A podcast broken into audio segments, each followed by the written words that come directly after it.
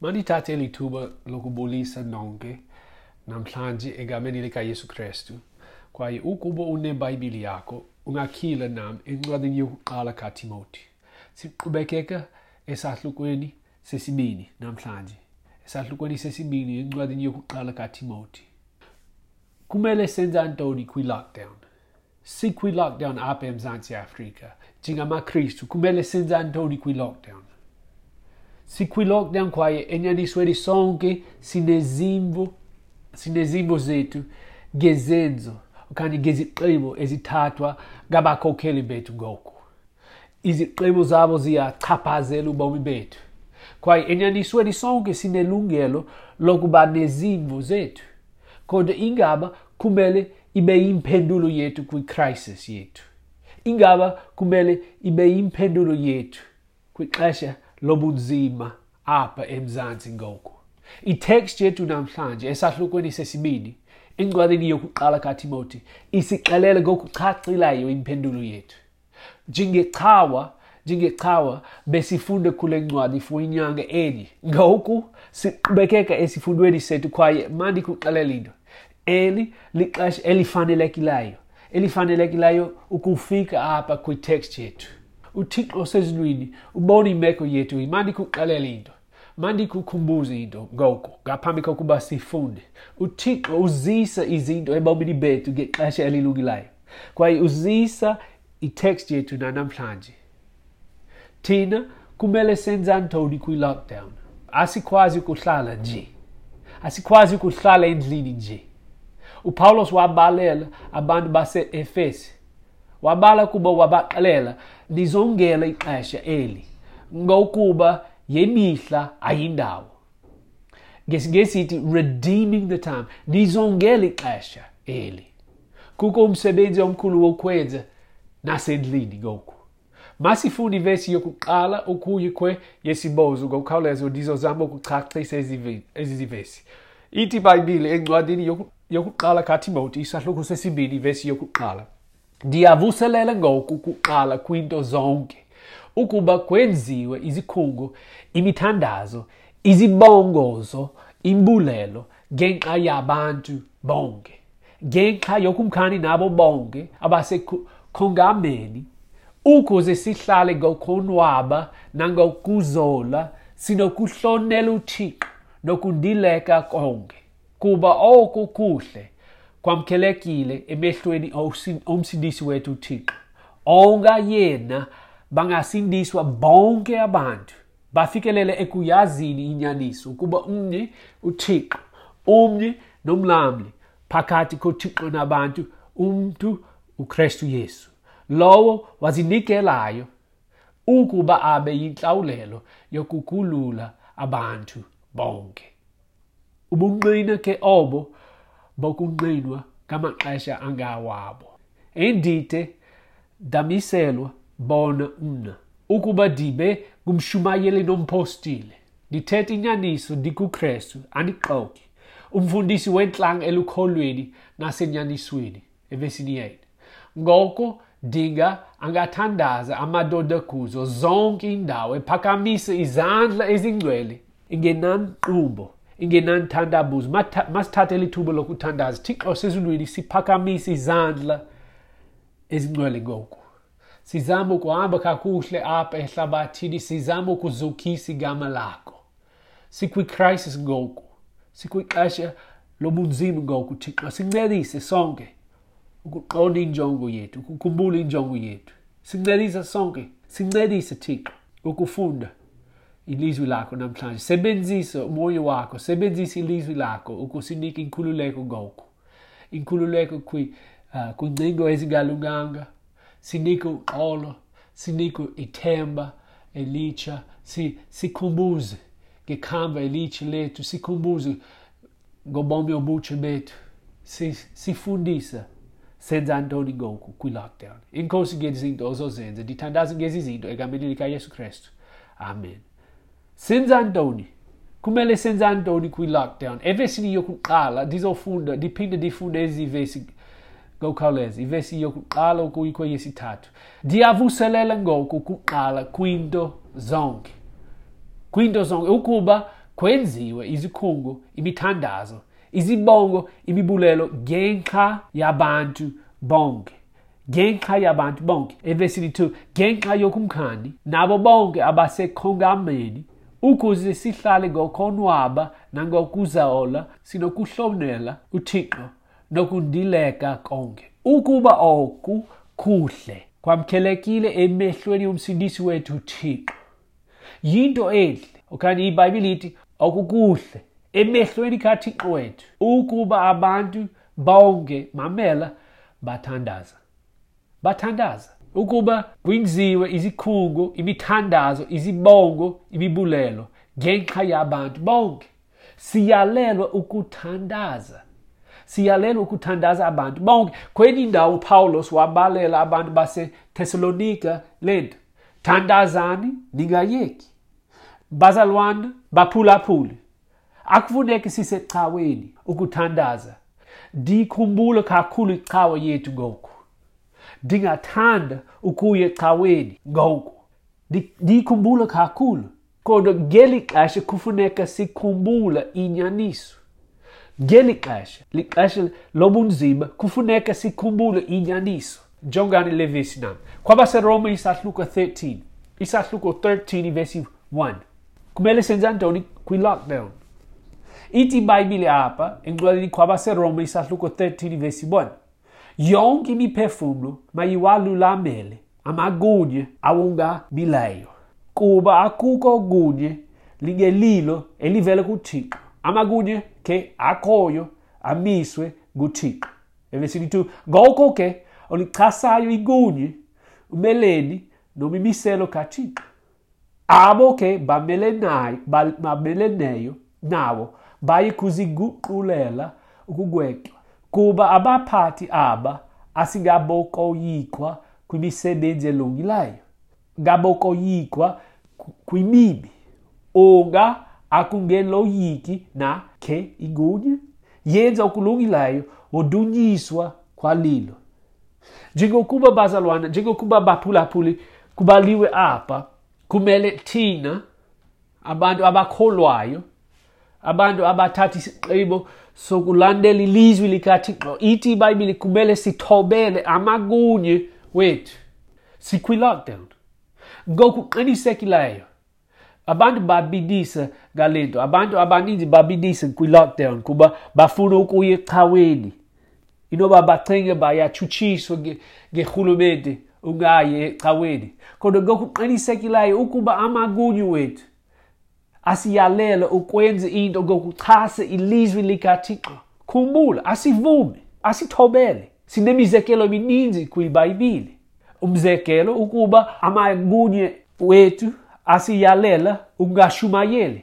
Ukuba basiyalela ukuyeka ngokushumayela asizovumi njengobomi babapostile abapostile babengavumi asivumi yayenzeka ebomini bukapetros noyohane liyakhumbula ibali labo encwadini yezenzo. Babesenza ntoni bona ithi ibhayibhile encwadini yezenzo isahluko 5 ivesi 29 ngokuya amakunye wabo. Babeyalela bona babeyala bona ukuyeka ngokushumayela waphendula ke upetros nabapostoli bathi simelwe kukuthi sive uthixo kunokuba sive abantu. Batsho esahlukweni 4 ivesi 20 singenakho thina ukuthi singazithethe izinto esazibonayo esazivayo. Njengabo asikwazi ukuqhinwa ngokuspreadisha indaba ezilungileyo babebone into emangalisayo babebone umsindisi wabo. Umsindisi wabo wabulalwa wacwatywa wavuka kwabafilayo wambona kwaye babengakwazi ukuthula. Thina nanamhlanje asikwazi ukuthula. Ngakumbi ngoku abantu badinge ithemba lethu. Kodwa ayomeko yethu namhlanje imeko yabo ayomeko yethu imeko yethu ihlukile. Urhulumente asiyalele ungashumayeli sixelele ukuhlala endlini sikwi-lockdown okwangoku imani kuxelele into kumele sibathobela. Kwaye kumele sikhumbule inyaniso. Akufuneke sihlanganisi ukuthandaza. Thandaza endlwini. Wathi upawulos yinto enhle okukuhle emehlweni kathixo ukuba abantu bonke bathandaza akufuneka sihlanganise ukuthandaza. Thandaza endlwini emfihlekweni. Oyethini uyesu kristu? Ngomthandazo. Uyakhumbula amazwi akhe encwadini kamateyo isahluko sesithandathu ivesi yesihlanu kuyikho yesithandathu. Nanxa wathi wabaxelela abafundi bakhe nanxa sukuba uthandaza. Uze ungabi njengabahanahanisi ngokuba bethanda ukuthandaza bemi ezindlwini zezikhungu nasezimbobeni zezitrato ngoko ukuze abe nokubonwa ngabantu. Ineni ndithi kuni bawufincile umvuzo wabo. Ke wena evesini 6 ke wena xa sukuba uthandaza ngene ekumbini lakho uthi uluvalile uchango lwakho uthandaze kuyihlo osemfihlekweni. Aze noyihlo obona emfihlekweni akubuyisele ekuhleni. Mamela akufuneke sihlanganisi ukuthandaza. Kumele sithandaze emfihlekweni. Uthixo ufikeleleka kuthi ngoyesu kristu nanini na? Nobana ndawoni akufuneka siye esikhundleni akufuneka siye ecaweni uthixo ufikeleleka kuthi ngomsebenzi kayesu kristu ngokholo lwethu ngomsebenzi kayesu kristu noba ndawoni. Yinto enhle okukuhle ide emehlweni kathixo wethu ukuba abantu bonke bathandaze. Abantu bonke ndiyavuselela ngoku kuqala kwinto zonke ukuba kwenziwe izikhungo imithandazo izibongozo imibulelo ngenxa yabantu bonke. Sithandazela ntoni? Evesini 1 ngenxa yabantu bonke. Ngenxa yabantu bonke evesini 2 ngenxa yokumkhani nabo bonke. Evesini 4 ongayena bangasindiswa bonke abantu. Evesini 6 inhlawulelo yokukhulula abantu bonke. Sithandazela ntoni? Sithandazela abantu bonke abantu bonke. Evesini 4 ngokuqinisekileyo sithandazela abantu abalahlekayo. Sithandazela ngabantu abalahlekayo abantu abasasesonweni. Sithandazela bona ithi ibhayibhile evesini 4 ongayena bangasindiswa bonke abantu bafikelele ekuyazini inyaniso. Sithandazela ngabantu abalahlekayo abasasesonweni ukuba basindiswa ukuba basindiswa esonweni ukuba basindiswa kwinkqubo kathixo kwisohlwayo sesono sabo. Ke bonke abamamkelayo wabanika igunya ngokuba babe ngabantwana bakathixo abo ke bakholwayo kwigama lakhe. Bonke abantu uyohane wabala le nto encwadini yokuqala encwadini kayohane isahluko 1 ivesi 12 kwaye esahlukweni 3 ivesi 36 ke bonke abave ilizwi likathixo njengenyaniso bangabantwana bakhe kodwa abo bangaliphika bangaboni bomi inkqubo kathixo ihleli phezu kwabo.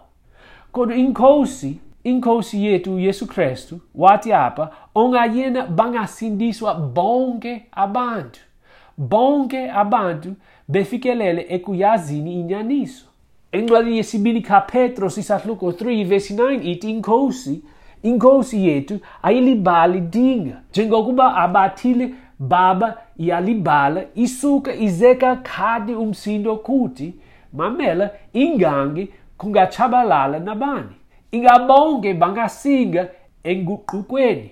Afuna ukuba bonke bayaguquka baguqukela kuye. Bafumana ubomi obutsha ufuna ukuba bonke bafikelele ekuyazini inyaniso. Evesini 4 kwakhona bafikelele ekuyazini inyaniso.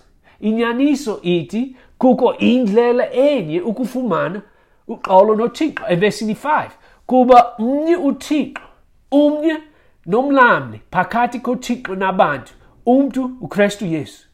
Lowo wazinikela wazinikelayo ukuba abe yinhlawulelo yokukhulula abantu bonke. Ubunqini ke obo bukhunqinwa ngamaxesha ngawabo.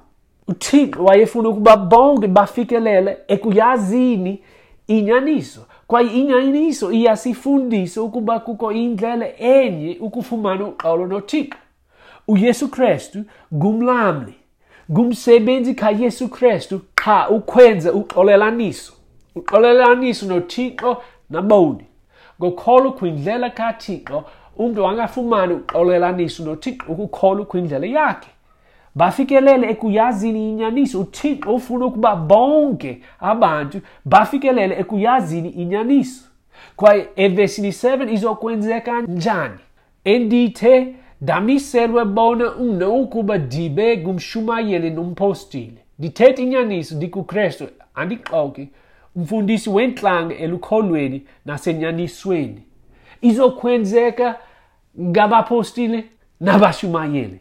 Izokwenzeka ngathi ngawe ngabantu abanayo inyaniso. Izokwenzeka ngabantu abazovakalisa inyaniso. Ithemba labo ithemba labantu abalahlekayo ichawa. Kodwa ngelishwa ichawa yayiluza yayilahla injongo yayo. Abantu badinga ithemba. Mamelani levesi upawulos waxelela abantu basekorinte qabukani kakuhle. Ningoni. Kuba ingxenye inentswele kumazi uthixo. Imamelani lento nditsho kuni ukuba nidane. Nditsho kuni ukuba nidane. Upawulos wayethetha ichawa. Wayethetha kwichawa. Thina senziwe ngexesha elingolu hlobo. Kwicrisis kwixesha lobunzima sinethemba. Senziwe ngexesha elingolu hlobo ukuze sideliverishe inyaniso ukuze sideliverishe ithemba. Sithandazela abantu abalahlekayo sishumayela abantu abalahlekayo sibonisa abantu abalahlekayo ithemba lethu. Sithandazela abantu abalahlekayo nabanye abantu evesini yesibini ngenxa yokumkhani nabo bonke abasekhongameni ukuze sihlale ngokonwaba nangokuzola sinokuhlonela uthixo nokundileka konke. So sithandazela abantu abalahlekayo sithandazela abantu bonke nabakhokheli bethu. Nabakhokheli bethu uthixo afuna ukuva imithandazo yethu ngabakhokheli bethu. Angathanda ukuva imithandazo yakho ngabakhokheli bakho ukuze sihlale ngokhonwaba nangokuzola sinokuhlonela uthixo nokundileka konke.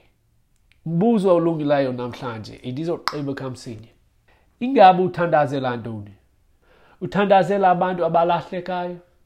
Uthandazela abakhokheli bakho? Okanye uyakhalaza ngabo nje. Uthandazela ngabo ingaba uyawazi amagama abo? Njengesiphelo namhlanje ndingathanda ukuninika into. Ndingathanda ukuninika uluhlu lwabakhokheli apha emzantsi ukuze ungathandazela bona. Ndingathanda ukukhuthaza ngeli xesha. Thatha eli xesha elinzima thatha eli xesha kwi-lockdown. Ukwenza into ekuhle emehlweni kathixo kuthandazela abakhokheli. Abakhokheli bethu badinga ubulumko. Ndizoninika amagama amahlanu nje. Ibhala phansi la magama. Umntu wokuqala first person cyril ramaphosa umongameli wemzantsi afrika kufuneka alawule ngexesha elinzima kakhulu. Thandazela umongameli wethu. The second person dr zwelini mkhize dr zwelini mkhize is the minister of health for south africa zwelini mkhize the third person mrs sindiswa griselda gomba She's the Minister of Health for the Eastern Cape. The acting executive mayor, Apa Ebai, Tsonono Buyeye. And then the fifth person, Pakishi Motsoalegi, Dr. Pakishi Motsoalegi. He's the Minister of Home Affairs. So, ebi kashalam gumtandazo. Tiklo says Luini. Diabolela geli kasha. Geli kasha lomunzima. ndicela usincedise ukusondela kuwe ngeli xesha ndicela usincedise ukwenza into entle emehlweni akho ndicela umamele imithandazo yethu izibongozo zethu ngabakhokheli bethu ngabantu abalahlekayo apha emzantsi nakwindawo yonke ehlabathini lonke ilizwi lakho liyasifundisa. Kumele sithandazela abantu bonke sithandazela amasapho wethu alahlekayo abahlobo bethu abalahlekayo othatha nomama nomalume nomelwane nabakhokheli bethu thixo. Ndicela ubanike abakhokheli bethu ubulungu. Umongameli wethu ucyril ramaphosa. Sikelele ubomi bakhe sindise ubomi bakhe. Mnike ubulungu ukuze angakhokhela kakuhle apha emzantsi afrika. Nika dr zwelini mkhize i-health minister. Bulungu ukuthatha izigqibo ezilungileyo. Thumela bona umntu ongavakalisi indaba ezilungileyo kubo. Sindisa bona sindisa usapho lwabo. Cala usebenzisa miss sindiswa gomba the minister of eastern cape. Cala umnike ubulungu cala usikelele ujonon buyeyi the mayor of pe no dr pakish mutsoaledi and the minister of home affairs apha e-pe banika bona ubulungu ukuze sihlale ngokonwaba nangokuzola sinokuhlonela wena. Thixo unguthixo olungileyo. Nakho ixesha elinzima. Inkosi ngezinto. Ozenzileyo ebomini bethu nangezinto ozozenza. Ndithandazela ngezi zinto egameni likayesu kristu. Amen